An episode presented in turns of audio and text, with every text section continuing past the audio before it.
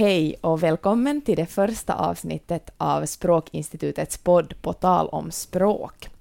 Samtidigt som den här podden har premiär så publicerar också Dialektordboken Ordbok över Finlands svenska folkmål 2500 nya ord på nätet. Därför är dagens tema dialekter och snart ska vi diskutera några ord och uttryck som just har publicerats i ordboken. Idag är Caroline Sandström gäst i podden och Caroline är huvudredaktör för Dialektordboken. Caroline, den här dialektordboken är alltså en historisk ordbok över de svenska dialekterna i Finland. Varför behövs en sån ordbok? Ordbok över Finlands svenska folkmål är ju en utmärkt källa och bakgrund för vår finlandssvenska idag. Den består av material som är insamlat egentligen i hela det, det svenska området i Finland. Och, och det materialet är insamlat ungefär från 1860-talet framåt. Den är en historisk ordbok också därför att vi följer den svenska akademins ordbok så att vi liksom går tillbaka till de äldsta betydelserna, för de har ofta bevarats i dialekterna. Men som sagt, eh, ofta just de ord som vi kallar finlandismer idag, så, så de har ofta också använts i dialekterna, så vi kan få veta lite bakgrund till finlandismerna ur ordboken. Så det blir både, både en dokumentation över till exempel finlandismer och språket, men det säger också en del om samhället förr i tiden, den här ordboken. Precis.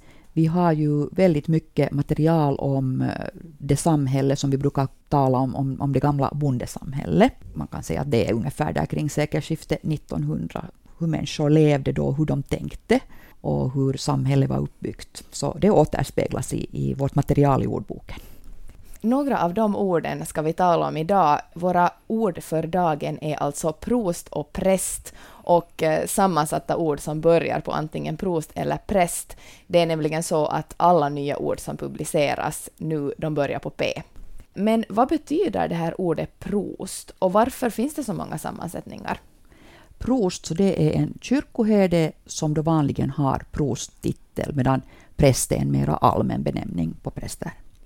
Det att vi har så många ord på präst och prost och sammansättningar och uttryck som har med, med de här orden att göra så beror ju på att kyrkan hade en väldigt stark eh, roll i samhället och, och jag tror att vi måste räkna med att den kristna tron var viktig. Betydligt viktigare kanske än vad vi tänker idag i vårt sekulariserade samhälle. De berättar ju det att, att kyrkan och religionen och, och prästen i, i det, de socknarna hade är ju en ganska stark ställning. Ehm, det var en person som, som alla kände till och som hade ganska stor makt Eh, både när det gäller människors moral och tänkesätt. Och, och kyrkan stod ju egentligen för till exempel utbildning. Det var egentligen via kyrkan man byggde upp eh, skolväsendet. Klockan och prästen i konfirmationsundervisningen undervisade folk. Eh, också socialvård till exempel och sånt kunde skötas via kyrkan. Kyrkan uppbar, det vill säga prästen då och prostgården, prästgården, uppbar också skatt. De som bodde i socknen skulle på sätt och vis försörja prästen också då kan man ju säga att kyrkan dels var en maktfaktor och dels gjorde en hel del också gott när man tänker på utbildning och så. Hur kommer det sig att eh, en del av de här orden är lite, de driver med prästerskapet?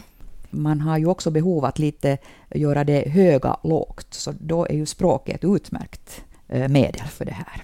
Så man kan ju lite genom olika språklekar och, och genom att prata om präster som kanske med, med lite mindre smickrande ord så, så kan man liksom lite göra prästen lite lägre, lite vanligare. Har du några exempel på sådana ord som nu har publicerats i ordboken? Till exempel eh, prostmaga, och då betyder det ju att eh, någon person som annars kanske har blivit lite rund om magen så har då en, en stor mage isterbuk och, isterbuk och, och då är han ungefär som en prost eller hon, men kanske mer om män.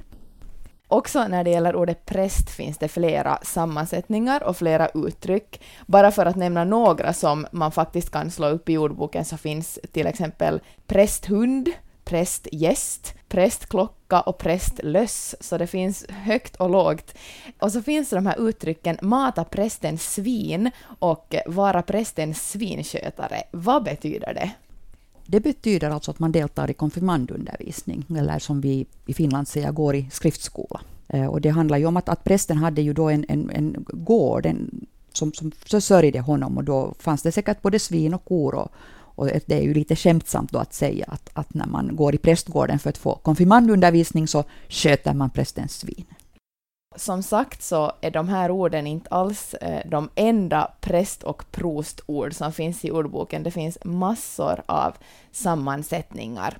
Den här dialektordboken finns alltså på nätet på adressen kaino.kotus.fi fo och eh, det är ju inte helt enkelt att förstå hur man ska söka i dialektordboken. Därför finns det någonting vi kallar för Lilla ordboksskolan på Språkinstitutets webbplats. Och Lilla ordboksskolan består av instruktionsfilmer som förklarar hur man gör för att söka i ordboken. De här instruktionsfilmerna hittar du lättast via Språkinstitutets webbplats www.sprakinstitutet.fi. Nu är sommaren ju här och det betyder att det snart är midsommar. I Finland kallas den här helgen ibland Johanne och Johanne är dagens finlandism som Charlotta av Hellström Reijonen kommer att berätta mer om. Charlotta har finlandismer som sitt specialområde. Charlotta, vilken är skillnaden mellan midsommar och Johanne? Det är ju egentligen hur man ser på midsommaren.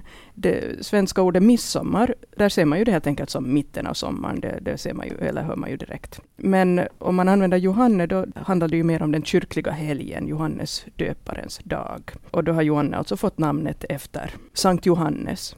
Och det här syns både i finskan och, och, och i dagens finlandssvenska.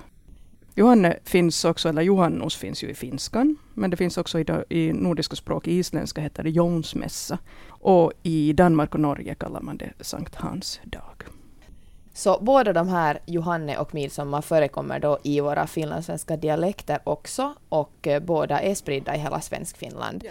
Och det finns många sammansättningar på Johanne i ordboken, det vill säga ordbok över finlandssvenska folkmål. Kan du ge några exempel?